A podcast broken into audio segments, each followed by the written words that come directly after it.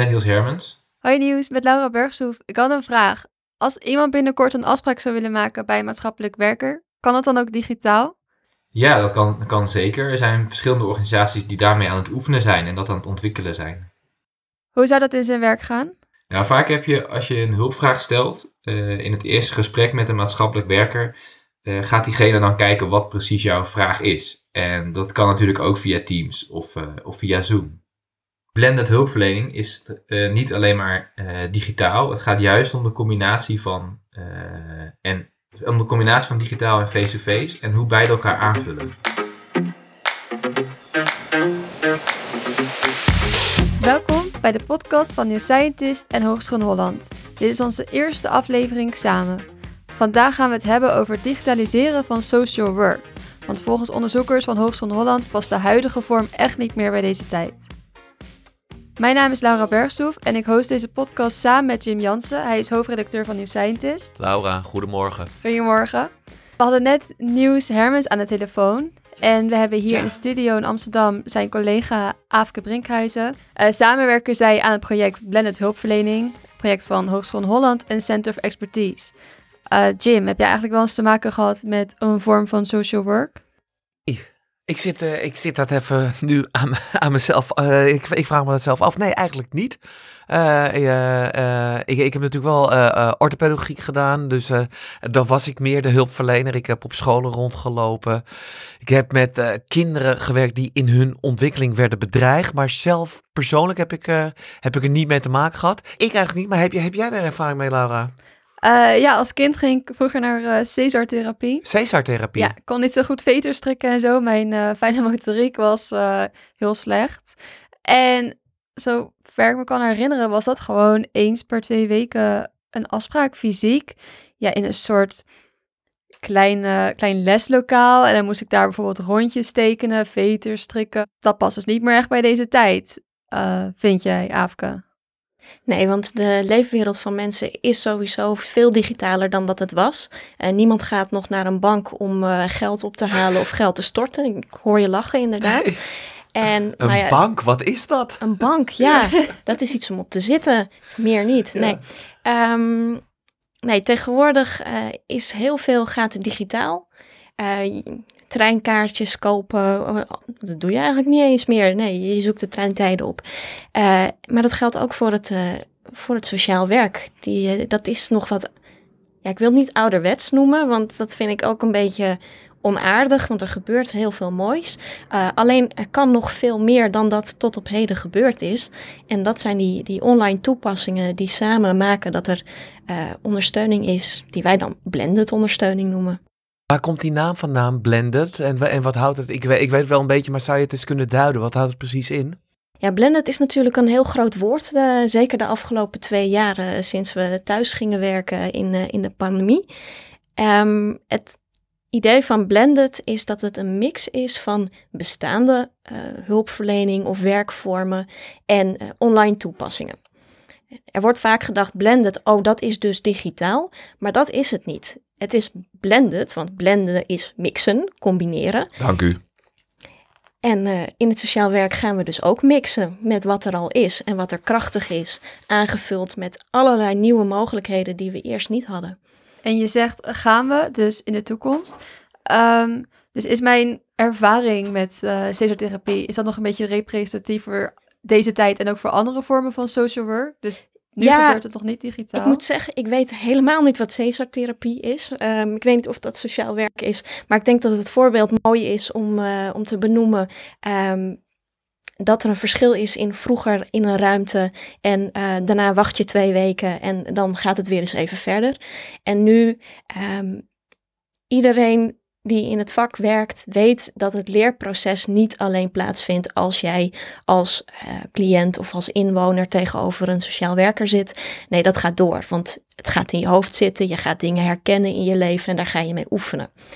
En dat leerproces, dat kan beter ondersteund worden door uh, naast de gesprekken of sessies met een sociaal werker of in een groep begeleid door een sociaal werker ook tools te hebben die je in je in de tussentijd kunt gebruiken. Kan je daar eens een uh, concreet voorbeeld van geven? Ja, we volgen nu al anderhalf jaar een groep uh, schoolmaatschappelijk werkers van een uh, aantal organisaties. Die organisaties hebben de krachten gebundeld, want ze dachten, blended, dat is de toekomst. Maar ook best wel lastig, dus laten we dat samen doen in plaats van dat iedereen het wiel zelf uitvindt. En nou, groepje professionals zijn samen gaan zitten, allemaal gericht op het schoolmaatschappelijk werk. En die zijn gaan nadenken over, wat is blended eigenlijk? Want ze gingen ook ontdekken dat blended dus meer is dan alleen uh, digitaal werken. En uh, na gaan denken over hoe zit dat proces dat we nu doorlopen in elkaar. Ze kwamen erachter dat ze een map hebben met, met uh, met formulieren. Het gaat nog net Echt niet. een fysieke map. Ja, een, een, fysieke map. Ik weet ook nog dat iemand vertelde: van ja, ik loop dus met mijn, met mijn fysieke map door de school heen. Ik sjouw me een bult. Um, uh, en, maar die werkbladen, die op zich heel mooi zijn, die kan je ook in een digitale leeromgeving neerzetten. Zoals uh, veel leerlingen waarschijnlijk in het uh, middelbaar onderwijs en het hoger onderwijs ook kennen. nou, dat, dat, dat kan dus ook met sociaal werk. Die hebben dus nagedacht over hoe ziet dat begeleidingsproces er nu uit en wat kunnen we daarin in die digitale omgeving neerzetten. en dat zijn ze gaan, gaan, gaan digitaliseren, gewoon letterlijk.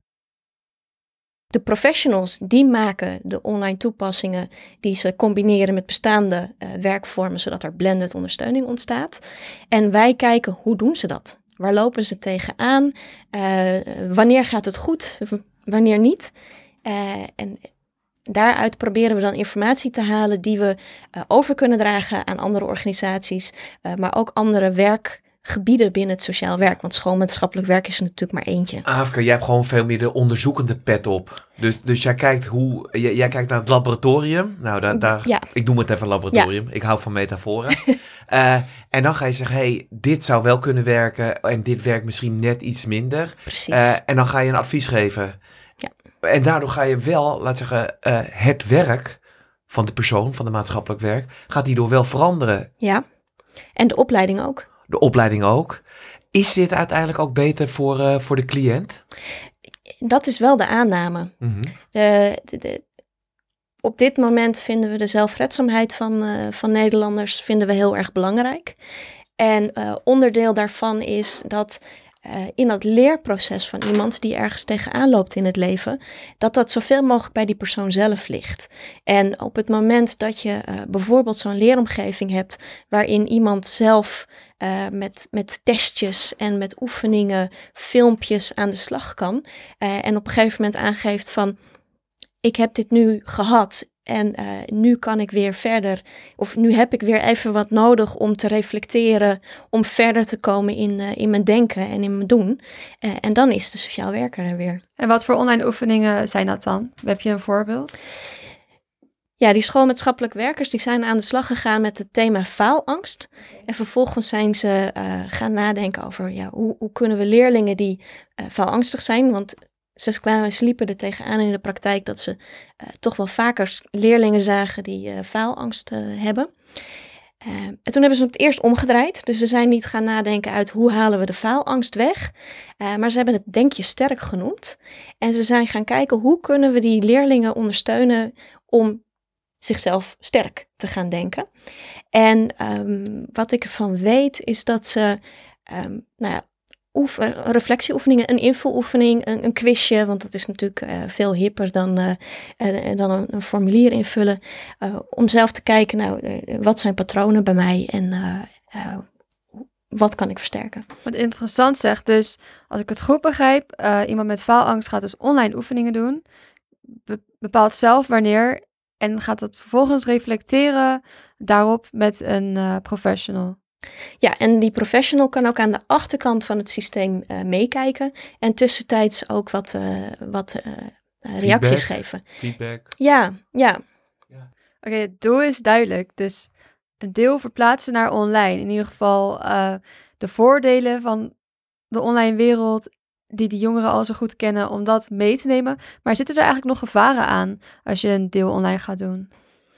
Jazeker. Um, zeker in het sociaal werk heb je te maken met mensen die een, uh, een kwetsbare positie hebben in, uh, in de samenleving of in hun leven. Niet iedereen is even digitaal vaardig, maar ook niet even geletterd. Uh, en dat maakt dat je als sociaal werker, maar ook als organisatie ervoor moet waken dat mensen niet buitengesloten worden. Ja, inclusiviteit. Dat, dat ligt. maar hoe zorg je dat, laat zeggen, bepaalde groepen mensen zal je makkelijk bereiken. Maar ook, uh, er is ook altijd een club mensen die veel lastiger te bereiken is. Ja, en je hebt mensen die je eigenlijk niet kunt bereiken met digitale middelen. Dus je zult altijd ook nog ondersteuning moeten kunnen bieden zonder digitale toepassingen. En dan heb je nog een groep mensen die het op zich misschien wel kunnen, maar net een zetje extra nodig hebben. Die je dus moet begeleiden bij hoe werkt dat dan als je digitale tools gaat gebruiken. Maar je moet mensen ook niet onderschatten. Hè? Afke, hoe, uh, uh, laat zeggen, de, deze ontwikkeling, hoe komt dat terug in het curriculum van, uh, van, van, van in Holland, van, van, van, de, van de studenten? Hoe, hoe worden de studenten hiermee geconfronteerd? Het is het leuke van deze samenwerking, want de organisaties die bezig zijn met het ontwikkelen van Blended hebben ons benaderd voor het doen van onderzoek, maar ook om de kennis die zij opdoen over hoe dat dan in de praktijk gaat, meteen aan de opleiding te geven, als het ware.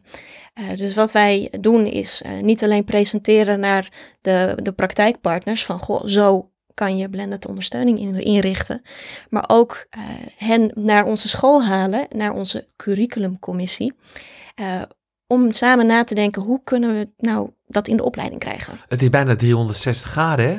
Jullie doen onderzoek met behulp van de praktijk.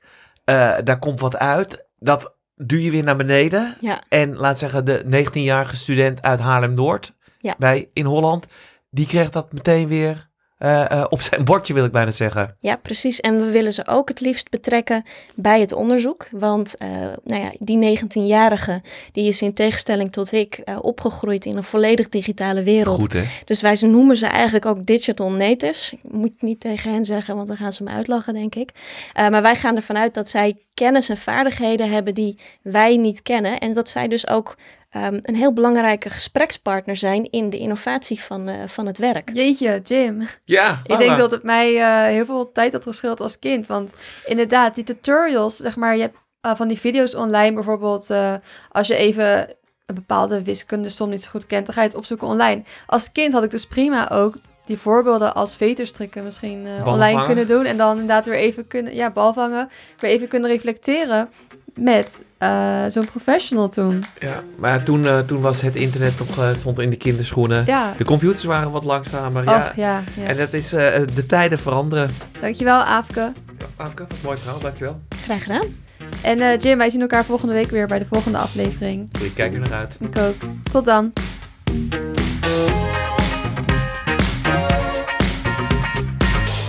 Dit onderzoek en deze podcast is een project van Center for Expertise Preventie in Zorg en Welzijn.